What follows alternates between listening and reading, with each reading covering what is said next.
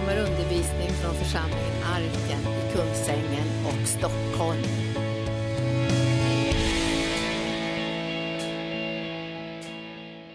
Halleluja Fader. Vi prisar och ärar dig genom Jesus Kristus. Vi tackar och lovar dig för att du är en bönhörande Gud. Och alla bönen och alla löften har fått sitt ja genom Jesus Kristus. Vi är de som är förvissade om bönesvar. Vi tror på att din seger är fullkomligt vunnen Jesus och att vägen är banad och löftena är givna och tron som kan ta emot dem finns närvarande. Och därför så ber vi nu för alla dessa bönämnen som är här, alla människor som är nämnda på bönelappar och bönedukar. Vi ber att du Herre ska komma komma med din kraft och göra så som du har lovat, höra bön och gripa in i deras livsförhållanden och situationer. Och alla de bönämnen som vi har för övrigt i våra hjärtan Herre för olika saker, för människor och omständigheter där du har gett dina löften. Så tar vi fasta på de löftena Herre och vi ropar till dig och säger Herre, vi tror på det som du har lovat och vi tar emot bönesvaret, hjälpen, utvägarna, lösningar, kraften, hälsan, resurserna och Herre hjälpen i alla konkreta situationer i livet. Du vet att en del saker är så övermäktiga, men vi är de som tror på en fullkomligt underbar Gud som har vunnit en seger som hjälper oss, för oss alla och vi tror att vi har hjälpen i rätt tid. Vi tackar dig för det Herre och vi tar emot din tro i Jesu namn och församlingen sa Halleluja. Varsågod och sitt. Härlig dag idag. Vi ska lyssna mera till om Herren, så här, vad han, hurdan han är och vad han gör. Därför det finns ingen nyttigare information. Det är den som vi behöver. Eh, vi, ibland så tänker man att ja, det är så mycket som jag inte förstår i det här. Jag, jag borde behöva sätta mig in i de här frågorna mycket mera. Ja, man kan sätta sig in i frågor som man blir blå utan att det blir en lösning. Men eh, det, lösningen finns hos Gud. Och därför så när vi sätter, låter honom ta fast tag i saker så blir det annorlunda. Nu vet inte, jag ligger lite lite kassettband här. Fick du med dem, Torbjörn? Här? Ja, du vet att det, det, det, är alltså Timo Petra Jeppinen som har spelat in eh, eh, en, en, en, en liten serie här. Vi behöver varandra och församlingen. Skulle bara fattas. Och sen har jag talat in någonting som heter helt enkelt Bli förälskad i församlingen. Ja, det har jag blivit sedan länge. Och sen har vi Psaltarpsalmen 91.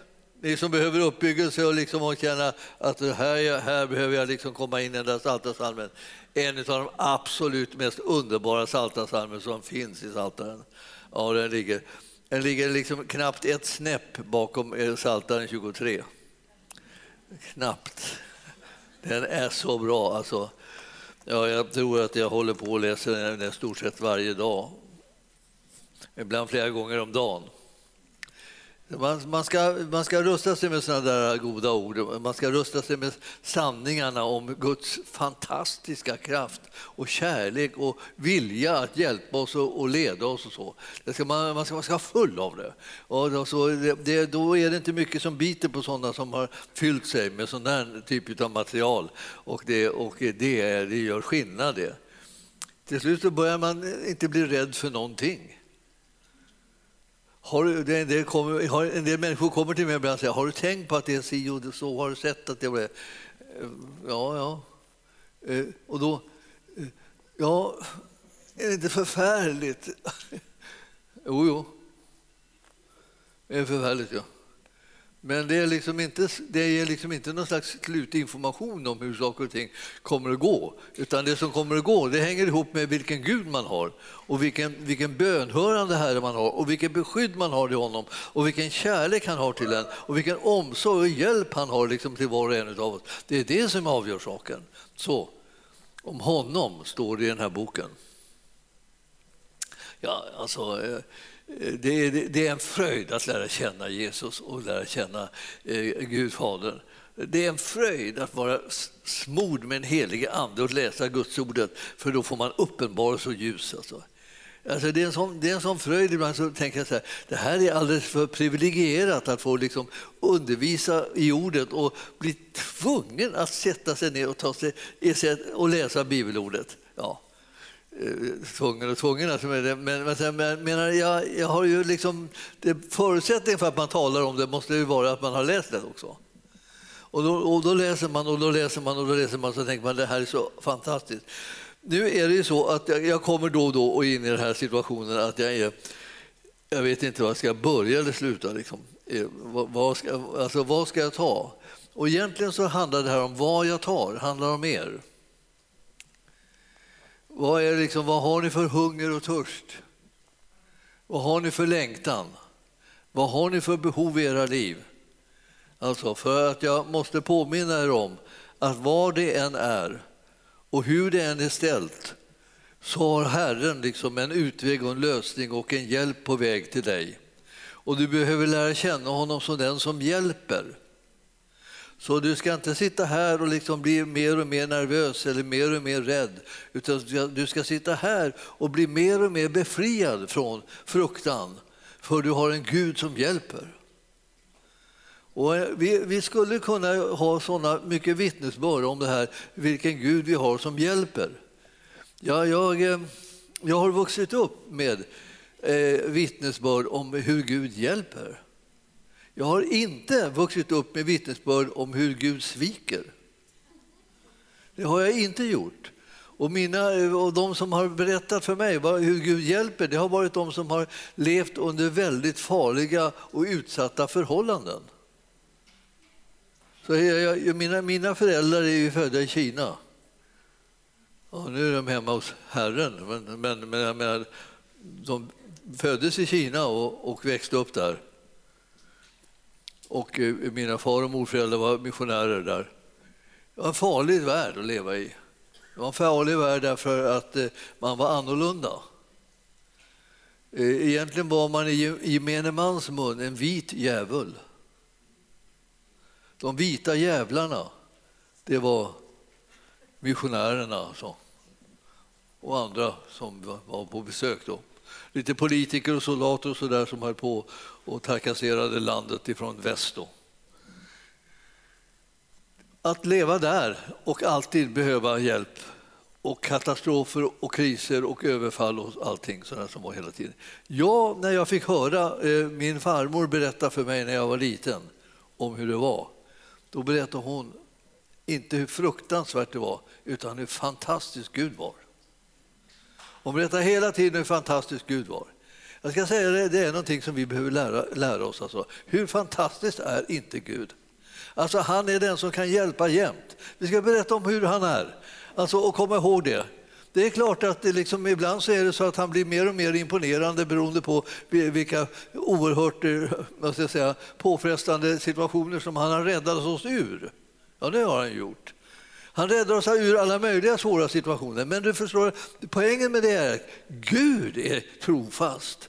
Han hjälper. Han är inte imponerad av omständigheterna så han liksom måste gå in och lägga sig under en filt eller, eller liksom på något sätt fly undan omständigheterna. Jag blundar för dem, jag ser dem inte, jag låtsas att de inte finns. Eller sådär. Utan han besegrar dem bara. Och sen har han talat med oss om hur vi ska leva i hans efterföljd. Vi ska vara övervinnare. Jag läste någonstans här att, det var, eh, att någon har fått för sig här liksom, det var någon sån här lärobok i, i någonting som man inte behövde lära sig förmodligen. Men jag skulle titta på vad det var för slags bok.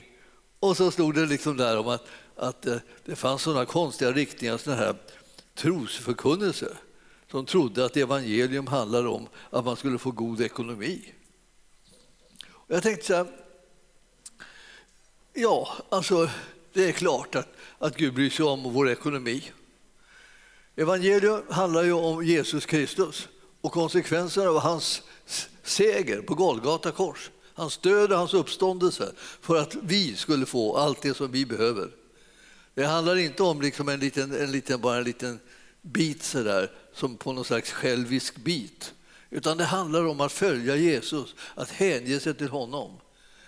Ibland så vill man inte förstå vad saker och ting är. Man, man tar ut någonting som man tycker att det här, det här är en negativ berättelse, det här är en negativ förklaring. Så här är de. De är på det här sättet, de här. Och det, ibland så säger de om, om arken har ni att det, här, ja, det är bara sjuka där. Alltså så, så kan man naturligtvis beskriva saker om man tänker på vart ska de sjuka gå? De ska gå dit där man får hjälp och, och blir, slipper vara sjuka. Ja, men, no. vi, okay. vi, de, vi är glada över att de sjuka kommer. För vi har en Gud som gör de sjuka friska. Så därför så är, välkomnar vi dem naturligtvis och säger kom, kom och tro på honom som vill göra dig frisk. Kom och tro på honom som har gett sitt liv. Kom och tro på honom som har betalat priset. Kom, till honom som har gett alla löften om helande, befrielse och upprättelse. Kom till honom.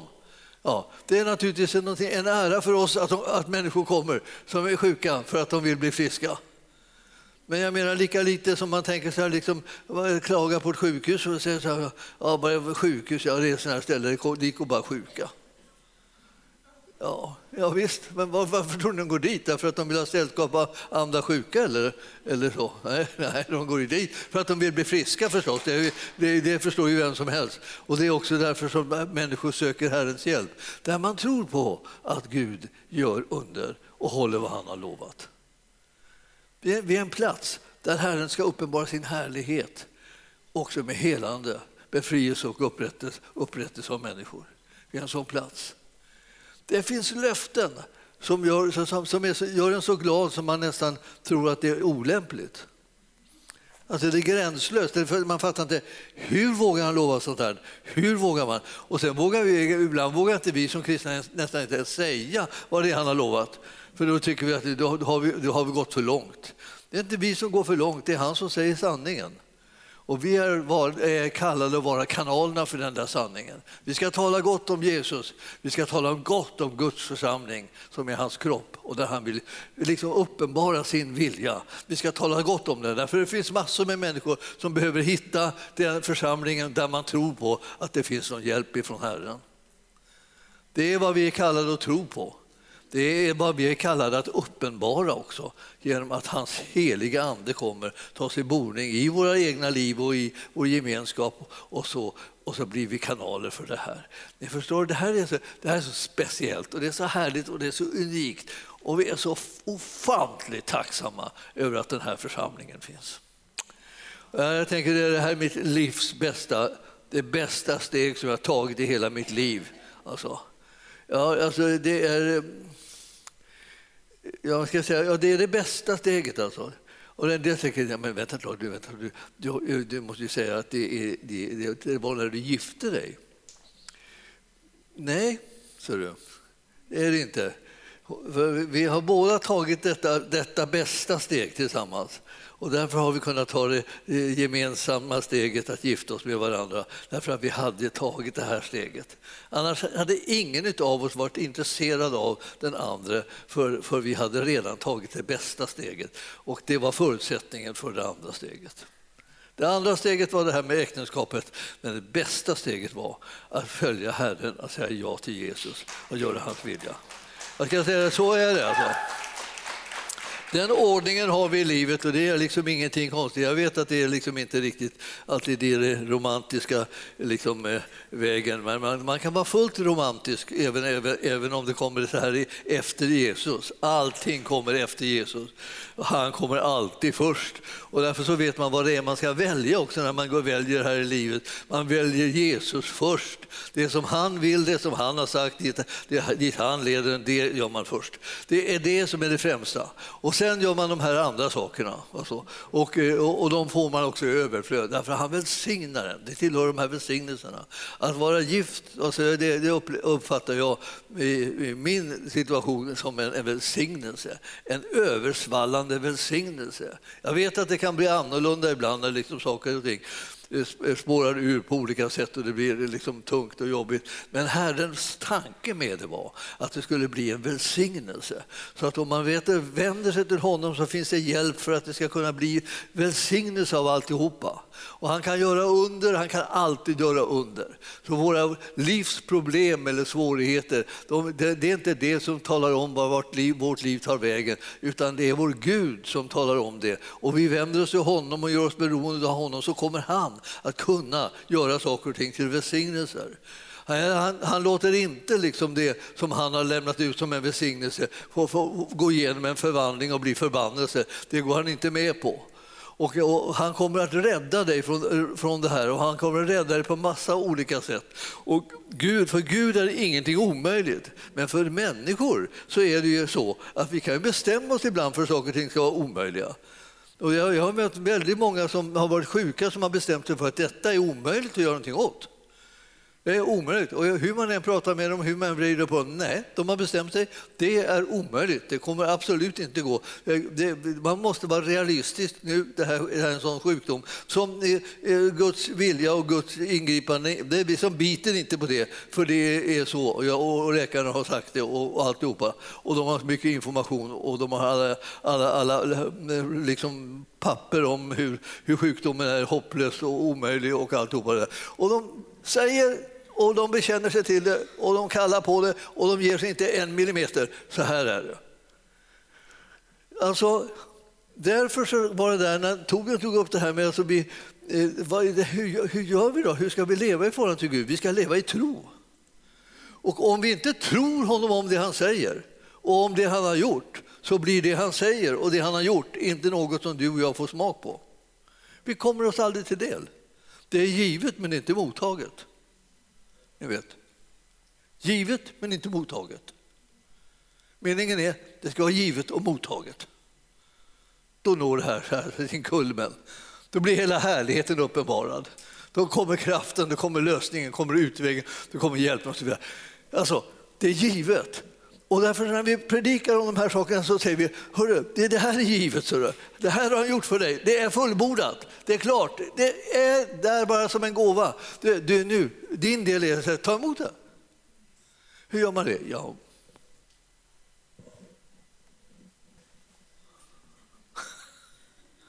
ja. De flesta kan läsa det här. Tacksamhet, det är någonting som kommer och uttrycks när man har tro på det som Gud har utlovat och gjort. Det kommer tacksamhet. Vi, vi, vi är, man börjar tacka Gud för det han har gjort, för det han har lovat och, det för, och för det han har hållit. Man börjar tacka honom. Man tackar honom i alla möjliga olika liksom skeden i den här vägen mot att ta emot sitt fullkomliga helande, sin fullkomliga befrielse, sin fullkomliga hjälp med omständigheterna och situationerna. Man, man, man tackar honom hela vägen, så att säga. För det när ska man börja tacka honom med en gång. Så fort du hör talas om att han har lovat någonting, att han har gett någonting, att han har gjort någonting, tacka honom. Sätt igång och tacka honom. Det här är ditt livs räddning. Det är inte något litet råd så där, som är som en tröst. Bara för att du ska känna dig lite bättre så att du känner lite mer vid gott mod. Det här är för att du ska släppa in det som Gud har gett som lösning. Så du tackar honom därför att du vill släppa in det. Du släpper in det och du vet att det är givet så du släpper in det. Du, du, du ger det inte mer än att du har fått in alltihopa. Alltså öppnar du på, fullkomligt på vid gavel genom att tacka Gud. Hela ditt liv blir öppet för honom och hans lösningar, hans utvägar, hans gåvor. Allt sammans är där, till för dig och kommer dig till del när du sätter igång och tackar och prisar honom. Alltså, vi har en underbar frälsare, en fantastisk Herre. Alltså, han har förlåtit oss alla våra synder. Alltså, han har helat alla våra sjukdomar. Han har befriat oss från alla onda andar och destruktiva krafter och makter. Han har löst alla våra problem och han har givit oss de här lösningarna som en gåva alldeles gratis. Alltihopa är givet av nåd. Och sen har han, ju, har han ju fött oss på nytt så att vi har blivit så förvandlade att vi nu har blivit Guds barn. Godkända, accepterade av Gud, det vill säga rättfärdiggjorda. Inte bara förlåtna, utan rättfärdiggjorda. Han gjorde oss annorlunda, så vi blev helt förvandlade i vårt innersta. Så därmed så har vi liksom frid med Gud. Det här är vi. Alltså man, man tänker, hmm, ja, inte, inte, inte, inte så dumt att vara en sån som har frid med Gud. Och vad gör man då? Man tackar honom. Man tackar honom och tackar honom och tackar honom. Man, man, man blir som en, man, man, blir ett, e, man blir som ett evigt, evigt, evigt tjat. Och det är ungefär som man tänker så här, vad, vad är det som vi kommer hamna i i slutet i, när vi kommer till himlen. Ja, vi kommer hamna in i själva, i själva kören av hela folket som står där på glashavet. Och vad gör de hela tiden om och om, om, om, om, om igen? Ja, de lovar och prisar och tackar Gud. Det pågår bara så att det liksom aldrig tar slut. Ja, men blir inte det tråkigt i längden då? Ja, du vet, att det kan man ju tycka, liksom, kanske tänka, ja, det, det, ibland så har man erfarenhet av det så man får liksom inte med sig hjärtat. Va? Man bara står där liksom och, som en liten papegoja liksom och, och, upprepar saker. Men om du får med dig hjärtat så, så blir det här helt annan kvalitet på det hela. Och då, får, då blir det sånt som du inte vill sluta med. Det blir sånt som liksom tar aldrig, går aldrig över, utan det bara liksom stiger.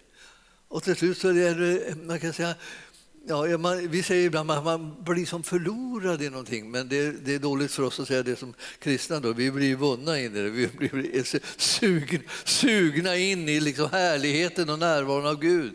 Där man bara liksom är, är bara vrållycklig och salig helt enkelt över att man får tillhöra Herren och få vara med och prisa honom. Som aldrig, liksom, den källan till lovprisning sinar aldrig. Vi får börja med att få lite övning här, här, här på hemmaplan, då, liksom i jord, här på jorden, med att prisa Gud och det ska vi göra. Jag, jag höll på och läste liksom en, en liten bok, jag skulle skriva ett förord var, eh, till en bok som handlar om, eh, som hette eh, Why, Why Not Women? Alltså den ska komma på svenska då. då. Alltså, varför, varför, varför inte kvinnor? Liksom, eller vad det kan vara för någonting. Var det så den hette på...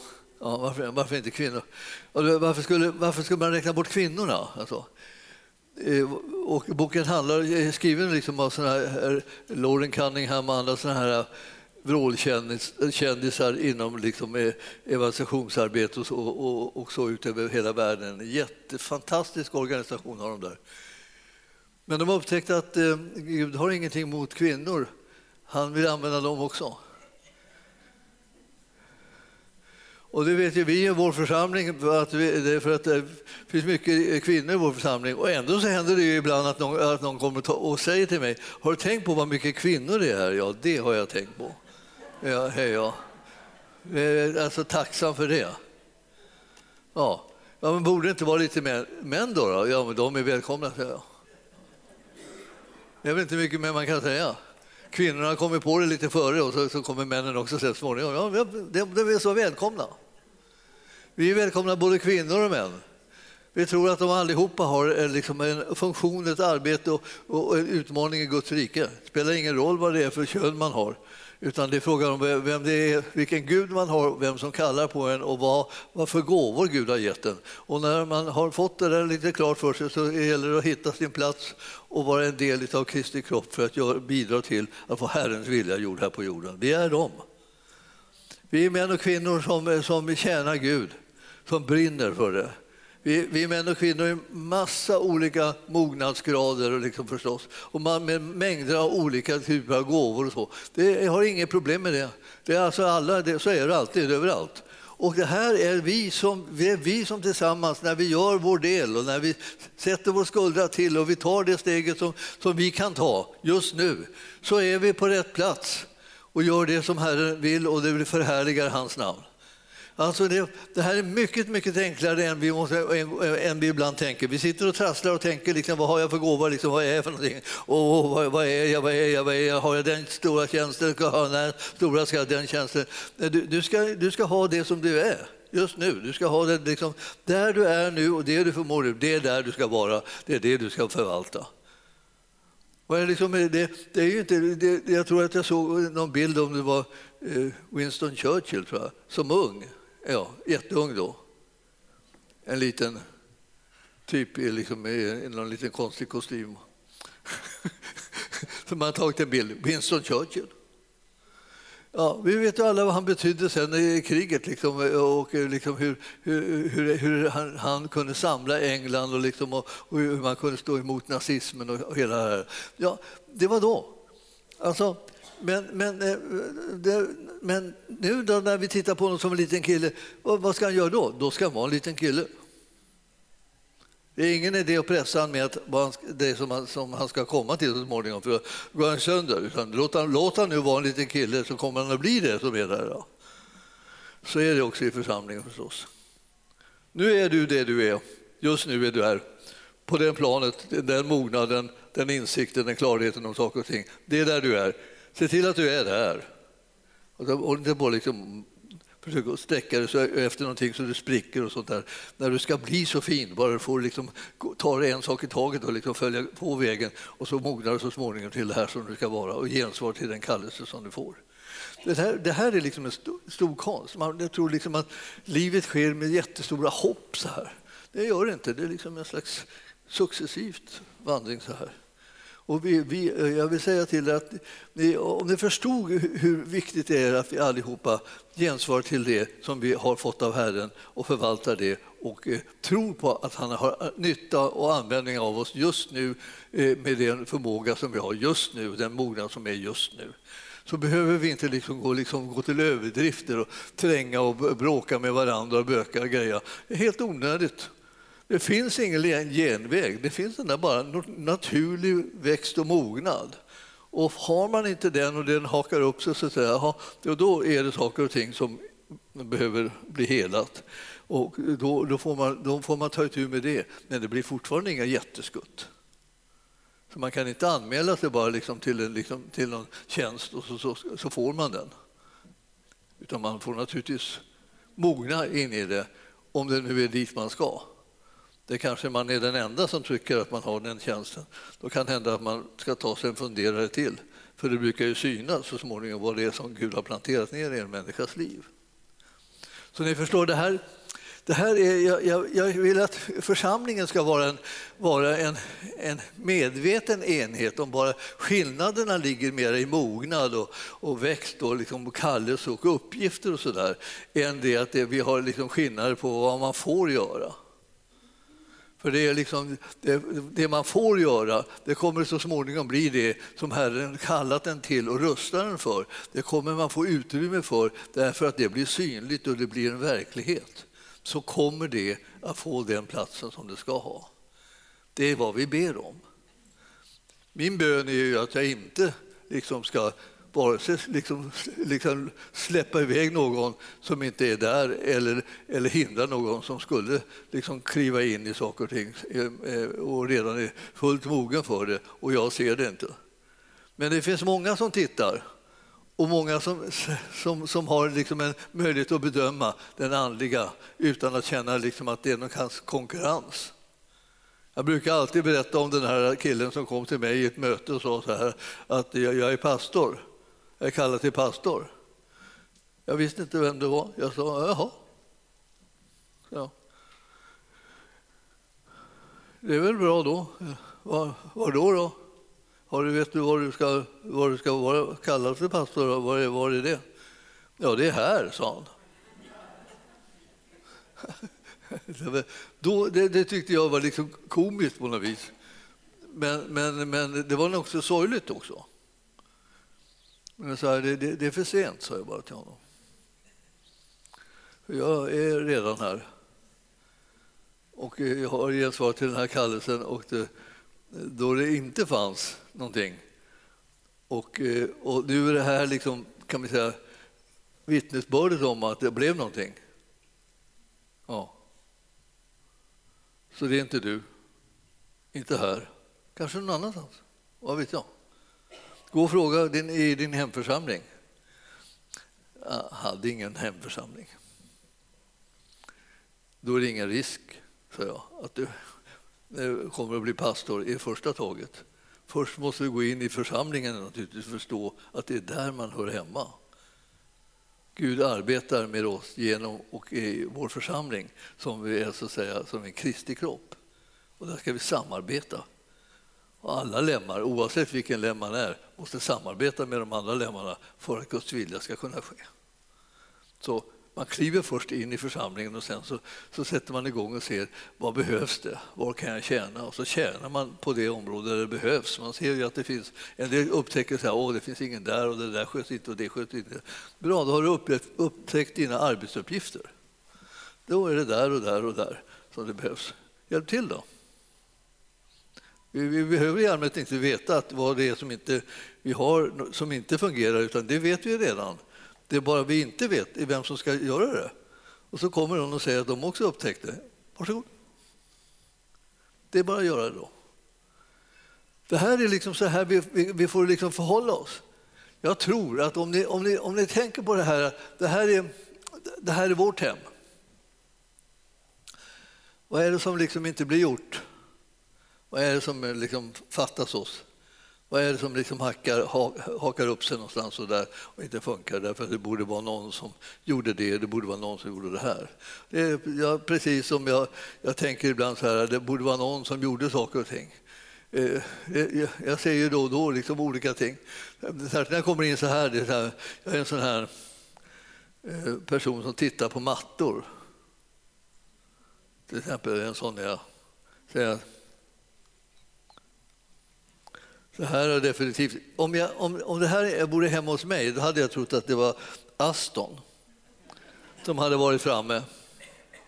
Och, och, och jag inte släppte ut han i tid och därför så blev det en sån där eh, liten eh, sån där fläck då, som ligger där.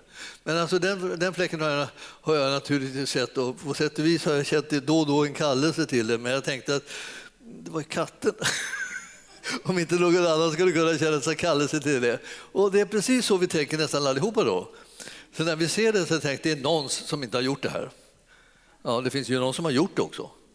Man undrar vad den, vad den, vad den är för det första. Va? Vem gjorde det här? Och sen, sen, är det så här, sen vem är det som inte gjorde det? För jag tog inte bort det. Ja och, och, och, så Och så, så, så, ser man så här och där och så där. Du vet. Då kan man hålla på och titta på det här viset. Och, eh, det, en del av oss har sådana typer av ögon. Jag tror att jag, tror att jag fick dem av min mamma. Och så kan, titta nu om det behöver, innan, innan, du lämnar rummet om det är någonting som du, har, som du bara låter ligga och skräpa så, så kan du plocka undan det. Så, så sa hon det tusen gånger. Och sen när jag flyttade hemifrån då, liksom och så där, då hade jag alldeles glömt bort det där. Men sen dröjde det ungefär 20 år så här, så började det liksom slå in en sån här växel om att jag måste plocka upp grejer. Ta med dig saken utifrån rummet när du ändå går, sa hon också alltid. Det, det, det har jag som en mani nu alltså. Jag, jag tar alltid, plockar ihop tallrikar och grejer och, och koppar och alltihopa och så bär det ut det då i köket. Eh, alltså jag kan inte riktigt gå från rummet och lämna det där.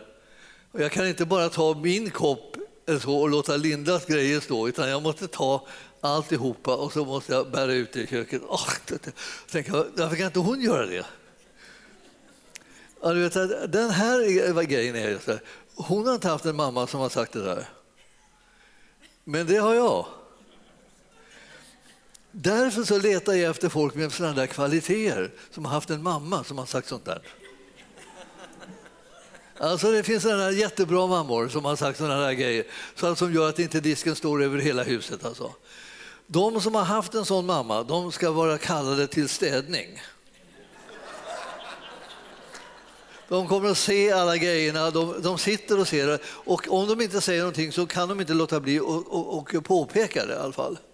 Så de går och säger det, det, det ligger grejer där och det ligger och skräpar i saker där och ingen har plockat upp det och det. Och, så där, så där. och då, då, är det så att om du nu har en sån här en riktig liksom, örnöga, eh, plocka upp det själv. För bara det, liksom, så, så. Ja, man gör såna där grejer som man ser. Då tycker man det är liksom, ja men, ja men jag har ju en annan tjänst. Ja men vägen dit tror jag ligger i att du plockar upp det här som du ser behövs. Det är vägen till den tjänsten. Hoppar du över det så får du vänta på tjänsten.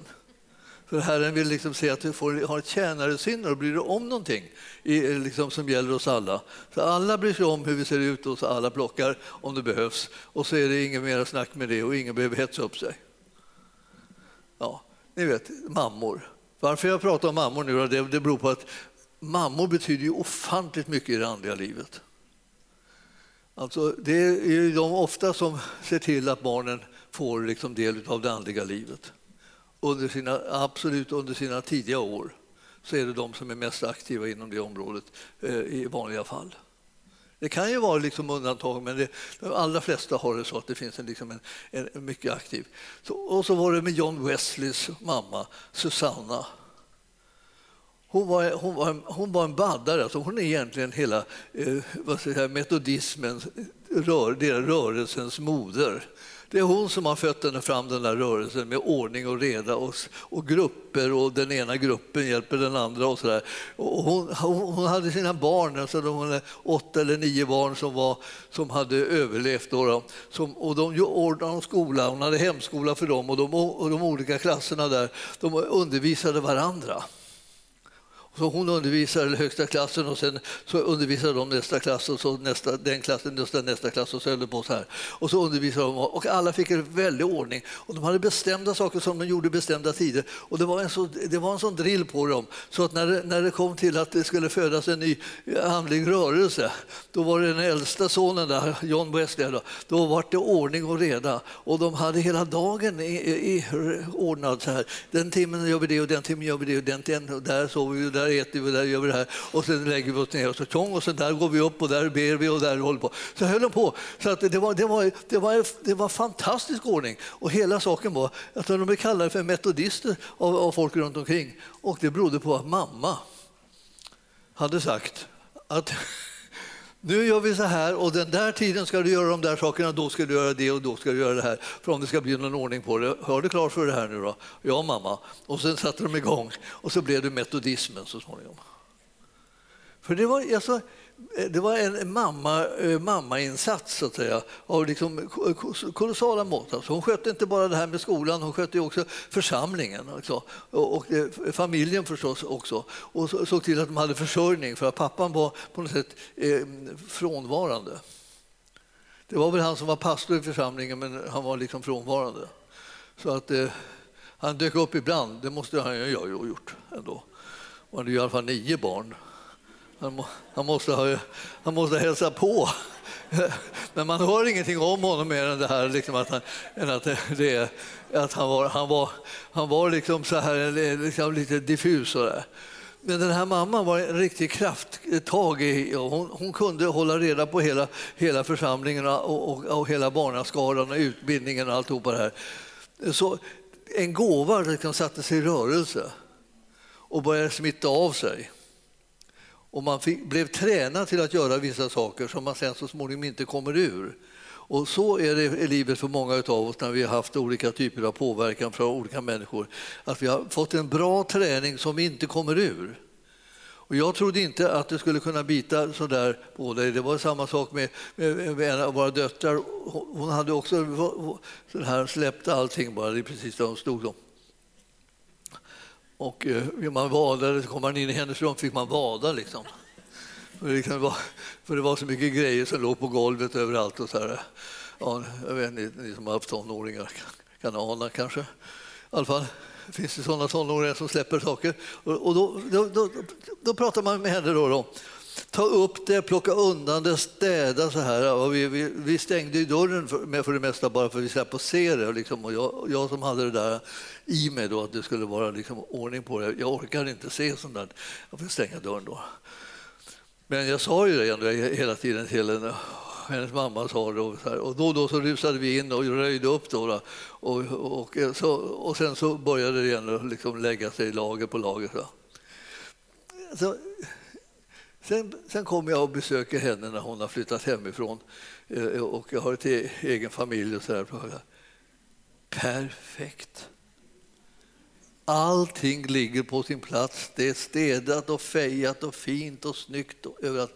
Tänkte, har du någon som kommer och städar, som kommer och städar åt dig? Och Nej, Ja, man måste hålla fint när man bor här.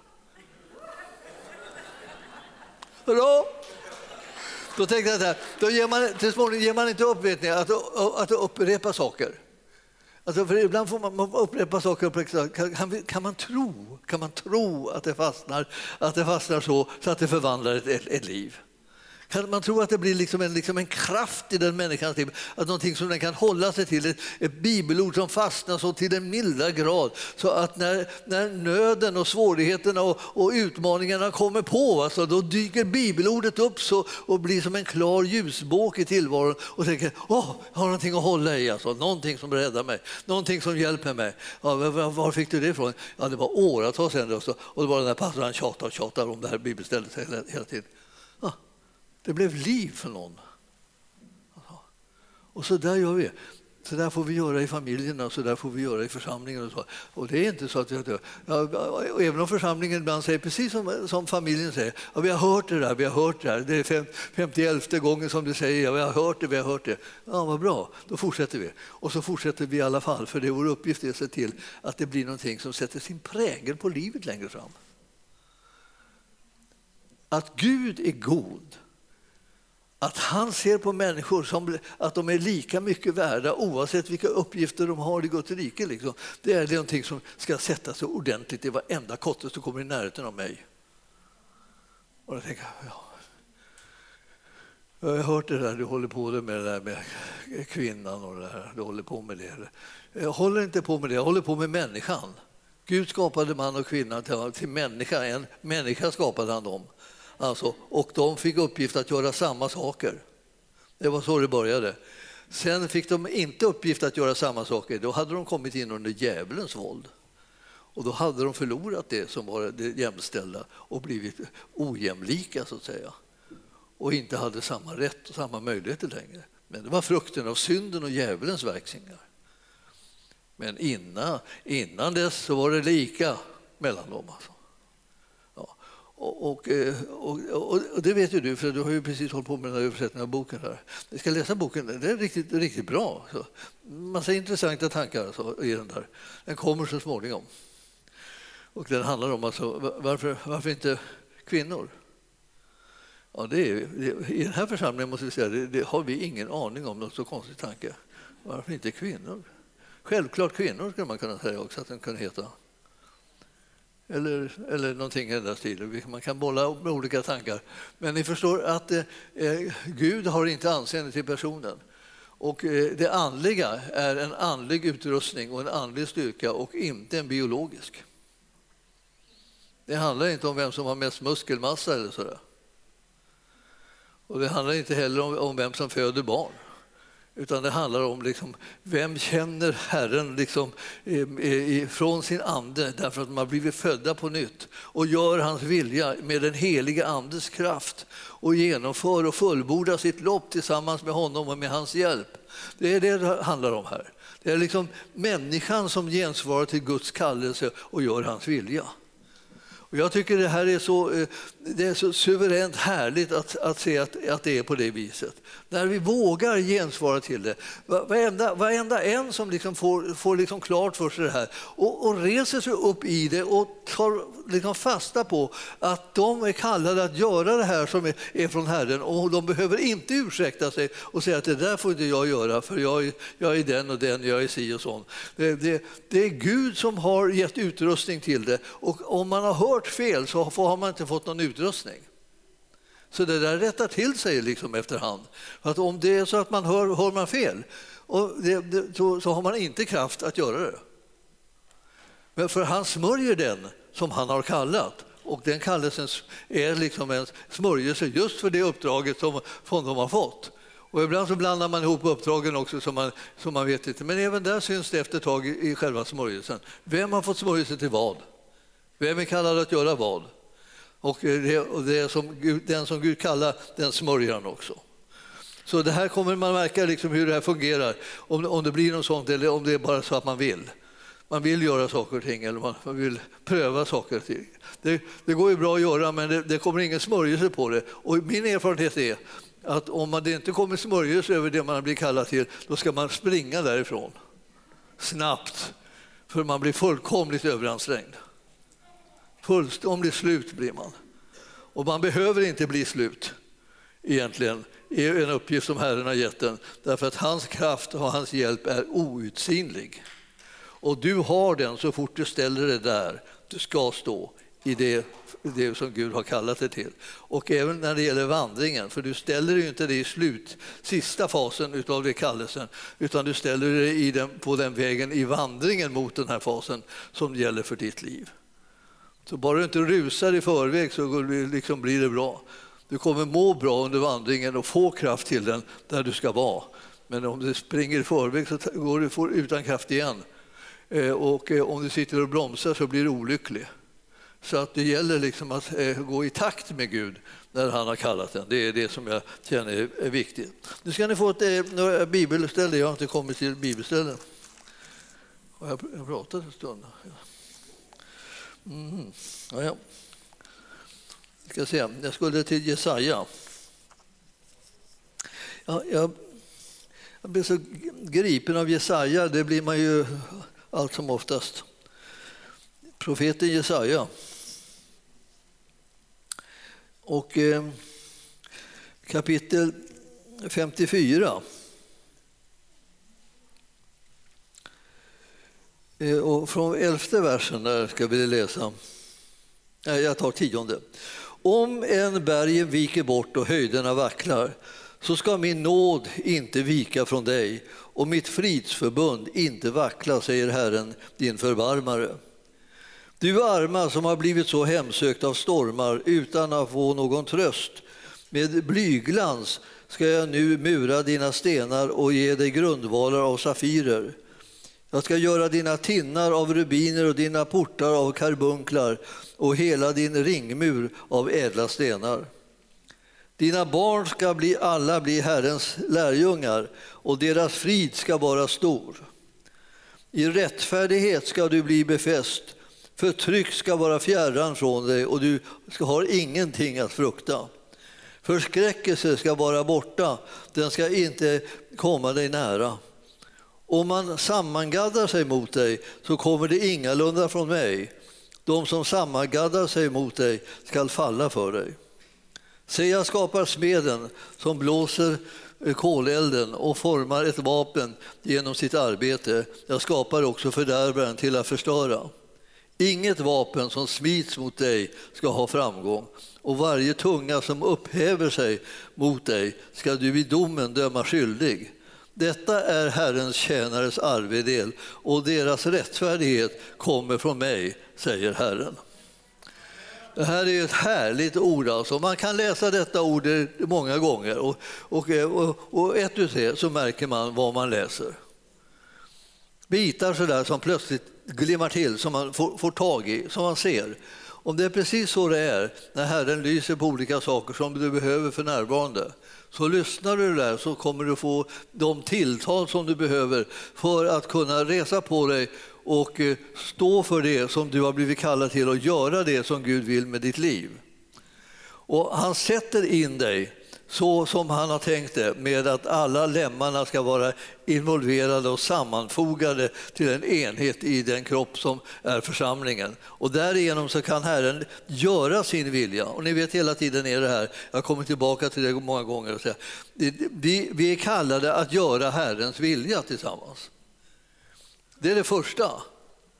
Men jag sa förut här att det, det första är Jesus och så är det andra är det här att man hittar liksom eh, en, en, en äktenskapspartner eh, så att säga, som man kan ingå äktenskap Det är liksom en viktig, viktig sak i ens liv när man har gift sig. Men om man inte har gift sig så är, så är det andra saker som kommer liksom på, på, andra, andra, på andra plats, så att säga. Men, men även där är det Jesus på första. När, när, vi tänker, eh, när vi tänker på det här förhållandet till församlingen så är det ju liksom att det, hör till, det här hör till egentligen till första platsen. Därför att där ska vi in så att säga, och kopplas med de övriga lemmarna för att göra Jesu vilja på jorden. Han verkar i och genom sin kropp på jorden fortsättningsvis. Det är vi som är kroppen. Så varje gång som vi liksom separerar oss från kroppen så, att säga, så gör vi kroppen mindre verksam och möjlig att utföra det som den var tänkt att göra. Och vi vill att Herrens vilja ska ske på jorden. Många av oss är ju sådana, vi ber och ropar om det. Gör det, gör det Herre. Låt din vilja ske på jorden. Ja, visst, och det, det vill han. Men när han frågar sen då, vill du, vill du kliva in och ställa det här? Och göra det där? Nej, då vill, han, då vill man inte det, då vill man någonting annat. Då vill man göra det här istället eller göra det där istället. Och så, och så. och så tror man att det, nu handlar det bara om dig. Det handlar fortfarande om Jesus. Det här är den svåraste skolan som vi har egentligen att lära. Det handlar om Jesus. Du ska inte fråga dig om vad du ska göra, utan du ska fråga honom. Och det, här, det här vill jag liksom vara, vara väldigt noga med. För att, alltså jag, jag, höll, jag höll på att gå riktigt fel alltså, när, när jag, eh, i, i begynnelse. Allting hade varit emot mig, ska jag säga, eller allting var bara krånglade och var hopplöst jobbigt och låst och, och dant när jag, när jag var i, i Lutherska kyrkan under den karismatiska väckelsen. För det blev mer och mer karismatiskt och församlingen, Lutherska kyrkan, tyckte mer och mer illa om det. Så att vi var liksom på kollisionskurs kan man säga. Och till slut fick jag nästan inte göra någonting. Och då, då, var det folk som kom till mig och sa ja, men starta en egen församling, starta en egen församling, starta en egen församling. Det var väldigt frestande att kunna starta en egen. Då slapp, slapp jag alla det här bråket, allt det här krånglet, alla de här som var i vägen för mig, alla de här som ville stoppa det ena och det andra som vi tänkte göra. Och då startade en egen församling, jag har fullt, då har jag frihet att göra det. Så jag, jag tänkte på det där ett tag, så gick jag hem och bad och så, så kände jag att nej, det har ju Herren inte sagt, det är bara en massa andra som har sagt det här. Herren har inte sagt det. Och sa till dem, tyvärr, det blir ingenting, jag kan inte göra För Herren har inte, Herren har inte sagt det. Jag, jag hör att det är många av er som tycker det, men jag, och jag tycker det själv, jag på säga. Men, men Herren har inte sagt det, så jag låter bli. Så höll jag på så där och sa nej till det, till nästan alla hade försvunnit härifrån. De flyttade alltså. Och eh, de flyttade då, ofta gick de på bibelskola då, flyttade iväg på bibelskola. För det här fick man inte göra någonting till slut. Och, eh, och, och, eh, det var bara en liten, liten grupp så att säga, människor som var kvar och många hade redan gett sig iväg. Alltså av de, de trogna som var kvar här var inte så enkelt. Vi hade liksom ett privat hem som vi träffades i. Då. Och, och, eh, och, vi hade bönegrupp och sådär och, och vi försökte ha, försökte, ha, försökte ha möten ibland, eller mest senare då. Först var det bara bönegrupper. Men ni förstår att det här var Eh, det var Herren som skulle säga någonting och jag väntade på det här att han skulle säga någonting. Och det gick, alltså, det gick flera år som han inte, där han inte sa någonting och det enda som vi har märkt att som hände bland oss var att vi förlorade folket, liksom, de, de flyttade. Och, eh, det var en del som var liksom eh, bundna till att bo här och, mycket, eh, liksom, och, och eh, trivdes här också förstås. Eh, och eh, de som stannade kvar, men det var många som hade rört på sig. Då så en dag säger han plötsligt, gå och säg upp dig. Alltså, och jag, jag, hade, jag, hade, måste säga, jag hade gett upp, jag hade gett upp om det. Alltså det jag tänkte det, det kommer inte hända. Jag har frågat honom så många gånger och han, han svarade inte på det. Det vill säga att han, han tyckte inte jag skulle lägga mig i det, det hade han säkert rätt i. Men, så, men sen säger han, säg upp dig. Och när jag sa upp mig då, alltså, då trodde jag, då hade också massa fantasi, nu kommer allting explodera, nu kommer det bli så. Men det, alltså, vi blev den här lilla gruppen som vi var där och, det, och, så, och höll på med det där och det var väl kanske ett, ett och ett halvt år någonting. Och sen så startade vi bibelskola. Och då, då rösade in eh, mängder med folk utifrån. Så vi nästan, vår lilla grupp nästan blev liksom dränkt av alla, alla som kom utifrån. Det kändes som att nästan vi tappade identiteten. Va? Men det, allt skulle göras med och genom den här lilla gruppen. Då. Så vi jobbade liksom med, mest med, med, med, eh, tillsammans då, då, för att sköta också bibelskola och sånt där. Men ni förstår, invänta på det här med att Herren sa gör det. Och när han hade sagt att jag satt upp mig så dröjde det ett tag, innan han, ett år tror jag det var, innan han sa att starta församling. Så att jag, jag, jag gick ju där liksom arbetslös då och undrade för då och då, liksom, är, det, är, det, är det meningen? Skulle du inte kalla mig till någonting? Skulle jag inte göra något också? Inte bara, inte bara sluta. Men alltså, jag märkte det alltså att när jag så småningom såg det lite grann i backspegeln och tittade och tänkte så här, hur, gick det till det här? Så såg jag det, att det gick till så att jag väntade in, eller rättare sagt Herren väntade in att jag liksom nollställde mig tills han talade vad han ville att jag skulle göra. Och så tog han ett steg i taget. Och jag, jag, det, det kändes bra att få starta församling, men vi hade ingen församlingstillväxt kan man säga under det första året. Alltså, var det en eller, eller två? Jag hade svårt att få dit Linda, kommer jag ihåg. Alltså. Jag försökte, jag försökte få... Hon tyckte vi var, hon tyckte vi var så få. Liksom. Hon reste över hela landet Hon var jättepopulär på den här tiden liksom, och åkte runt överallt. Hon är fortfarande, men alltså, då var hon så här riktigt superkändis inom, inom trosförkunnelsen. Så hon for som en tätting överallt. Men jag tyckte hon skulle komma till Kungsängen och kunna ha en liten kampanj där. Det tyckte hon inte. Det tyckte hon inte första taget. Jag fick ligga på ganska mycket. Men det berodde inte på att inte vi var ovanligt fina, utan det berodde ju på att, eh, att eh, jag måste ju prata så här nu. De som var med, jag ser ju liksom representanter för det här också. Så, så, så man måste tänka, tänka här att det här var, vi, vi, var, vi, var inte, vi trodde att det skulle vara mycket, hon kunde dra folk då lite grann och samla det, men, men det, det, det, ja, hon kom så småningom. Men, men det, var, det satte hårt åt. Det här var, det här var liksom en sån liten, liten församling. Men när vi startade bibelskola blev det lite fler folk och då, eh, som också gick på mötena och så småningom så växte det till. Eh, att göra saker och ting i Guds tid alltså var för mig, liksom, var för mig själva nyckeln. För det vi skulle göra var en sån jätte, jättevision. Så där. Eh, eh, eh, vi hade ingenting och så skulle vi göra alla möjliga saker. Det var inte lätt att liksom, vad säger, finna sig i det här att bara, bara vänta och vänta när, man hade, när visionen började bli så stor. Så det här är, man ba, vi bad och bad och bad och bad. Och jag kommer ihåg att jag, att jag höll på med det där bedjandet och så tänkte jag någonting kan jag väl få göra. Kan du inte låta någon kalla mig någonting där jag kan komma ut? Och, och då tror jag att jag var jag var på en, en pingstförsamling, e, eller, nej det var inte det, jag var i Svenska kyrkan fast det var bara pingstvänner som kom. Och då, och, då, och då skulle jag tala om den heliga Ande och sen bad jag för dem för att de skulle bli andedöpta. Och så visade det sig att nästan alla de som var där var sådana pingstvänner som inte var andedöpta. Utan de, hade, de sökte alltså, de sökte och väntade och hade sådär. Och, och jag var liksom jag var på det där då för att jag hade blivit andedöpt själv och liksom var liksom ganska färsk i det där. Och då, nu tänkte jag, det är bara, det är bara liksom att bedja och när jag har bett för er då, liksom, då talar ni tungor. Så. Och, och då när de inte gjorde det så då lät jag dem bara tala med mig. Då. Jag, jag talar före och dem efter. Då.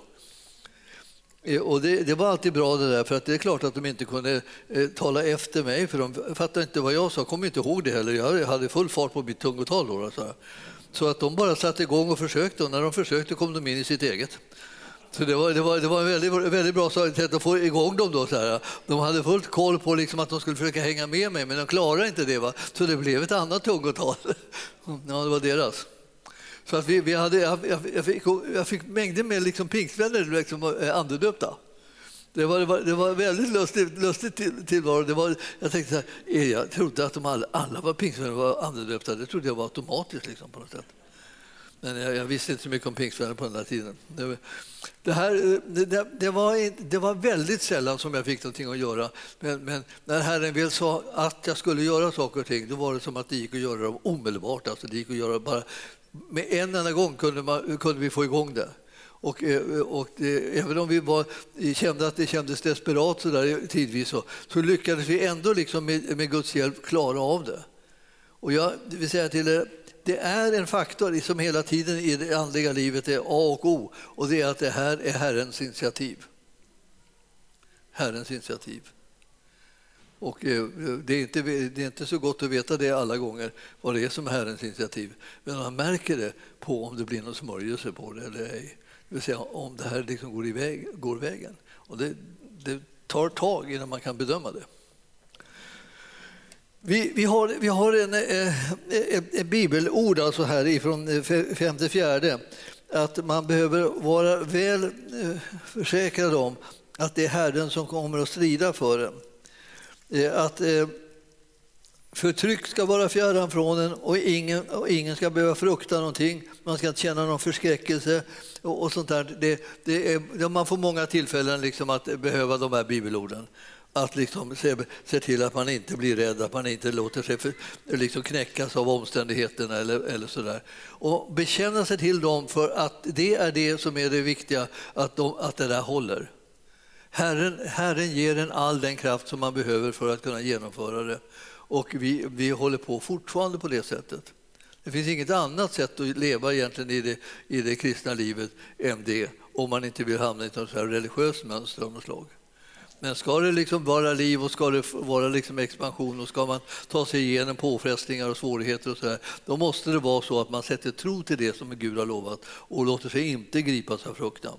Vi tillhör ju ett folk som ska tjäna Gud utan fruktan i alla våra livsdagar. Och det där glömmer vi aldrig, därför att det är ju det som vi läser där i, i första kapitlet i Lukas. Eh, det är Johannes döparen som profeterar om det här folket och det folket är vi. Så därför så när vi, när vi råkar ut för saker och ting och när vi, påfrestningarna blir stora så griper vi tag om de här löftena och sedan så kör vi på den linje som Herren har talat till oss om. Det är alltid så. Det är det enda som vi har uppdrag att göra.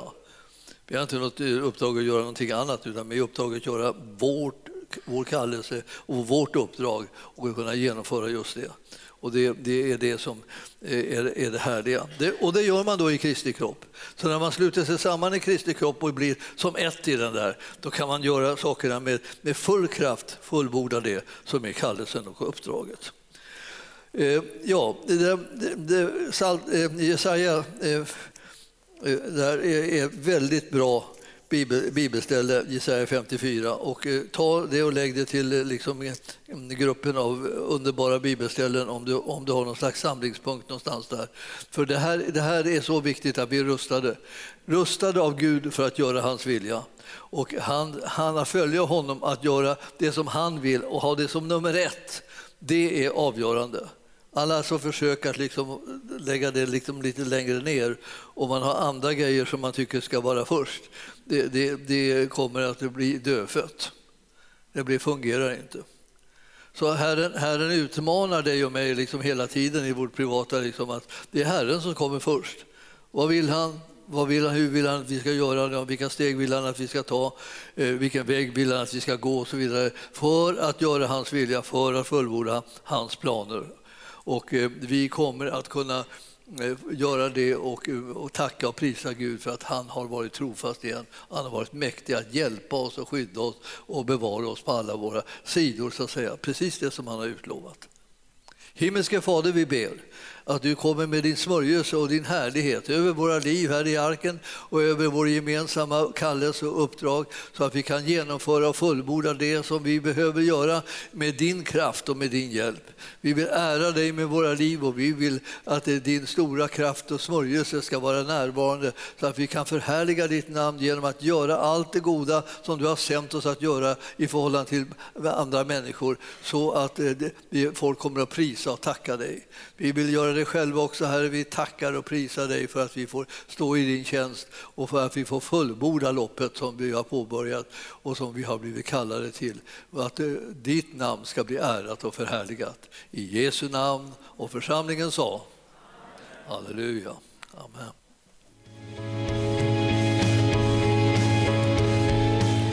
Tack för att du har lyssnat. Vill du få del av mer information om församlingen Arken, vår helande tjänst, bibelskola och övriga arbete, gå in på www.arken.org.